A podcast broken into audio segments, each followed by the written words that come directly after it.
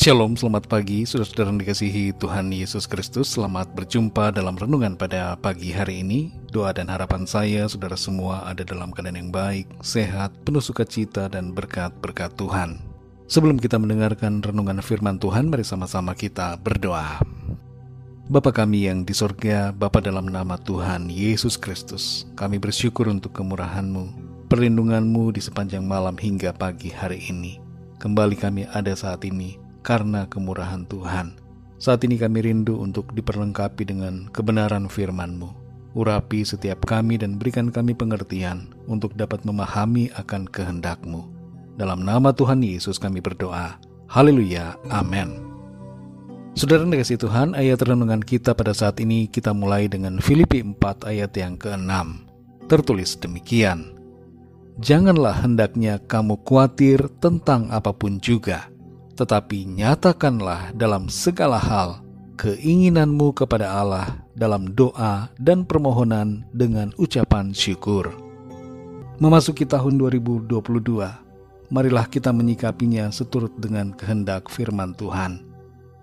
Ada tujuh hal dalam renungan ini yang menjadi sikap kita dalam menyambut tahun yang baru. Yang pertama adalah bersyukur untuk segala sesuatu yang sudah terjadi.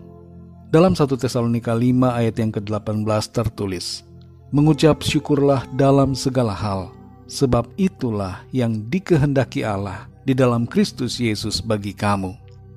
Apa pun yang sudah terjadi di sepanjang tahun ini, biarlah kita syukuri semuanya itu kepada Tuhan. Mengucap syukur adalah baik, dan ini lebih baik daripada mengomel dan bersungut-sungut. Tuhan disenangkan ketika kita mengucap syukur. Karena itu saudara mari kita berterima kasih kepada Tuhan untuk segala sesuatu yang telah terjadi di tahun 2021. Yang kedua, saudara, percaya pada penyertaan Tuhan. Dalam Matius 28 ayat 20 bagian akhir Tuhan Yesus berkata, "Dan ketahuilah aku menyertai kamu senantiasa sampai kepada akhir zaman." Saudara dan saya tidak berjalan sendirian meskipun mungkin kadang-kadang ada perasaan sendiri. Ingatlah pada janji Tuhan bahwa Ia Immanuel beserta dengan kita senantiasa ada bersama-sama, berjalan bersama kita sampai kepada kesudahan zaman. Yang ketiga, saudara, miliki hati yang bijaksana. Dalam Mazmur 90 ayat yang ke-12 tertulis, Ajarlah kami menghitung hari-hari kami sedemikian, hingga kami beroleh hati yang bijaksana. Mari belajarlah dari Tuhan, saudara. Minta hikmat daripadanya, agar kita memiliki hati yang bijaksana. Jalani hidup ini bukan sekedar melewati satu hari ke hari berikutnya, tapi sungguh-sungguh menghargai waktu yang ada yang diberikan oleh Tuhan. Yang keempat, saudara, jaga perkataan kita.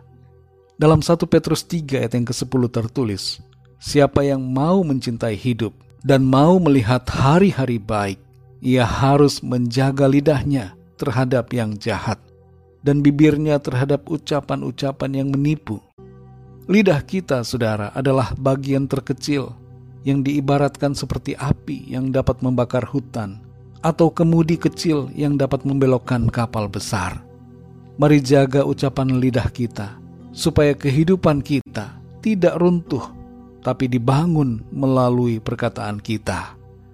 Yang kelima, saudara, hiduplah untuk Tuhan.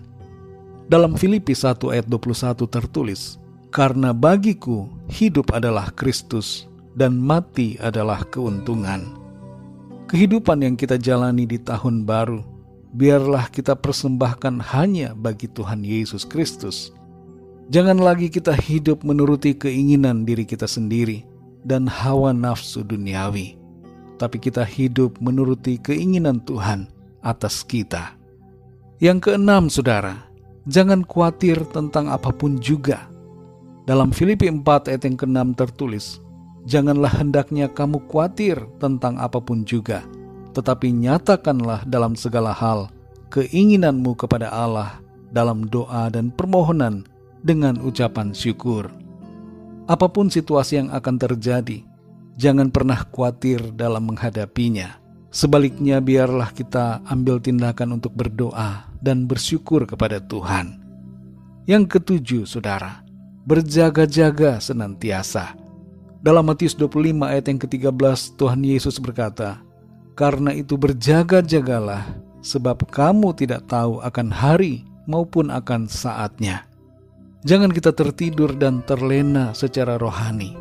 Jangan kita larut dalam dosa dunia ini, saudara. Tapi mari kita hidup berjaga-jaga dalam pimpinan Roh Kudus dan selalu siap sedia menantikan kedatangan Tuhan.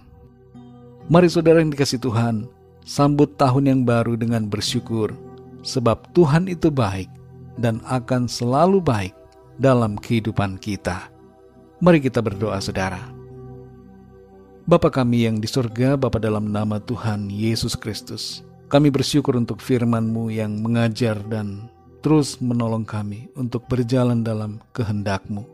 Terima kasih untuk tuntunan firman-Mu yang mengajar kami untuk bersikap yang benar dalam menyambut tahun yang baru. Kami mau bersyukur untuk semua yang terjadi, dan kami percaya penyertaan Tuhan sempurna bagi kami di tahun yang baru. Ajar kami Tuhan untuk memiliki hati yang bijaksana, sehingga kami dapat mengerti akan kehendak-Mu. Tuntun kami Tuhan, supaya kami menjaga mulut kami dari perkataan-perkataan yang tidak berkenan kepada Tuhan.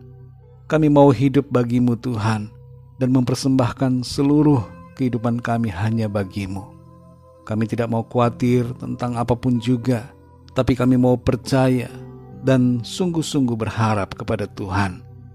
Tolong kami ya Tuhan di masa-masa akhir zaman ini, supaya kami hidup selalu seturut dengan kehendak-Mu. Kami berjaga-jaga senantiasa dan tidak terlena dengan dunia. Terima kasih untuk firman-Mu.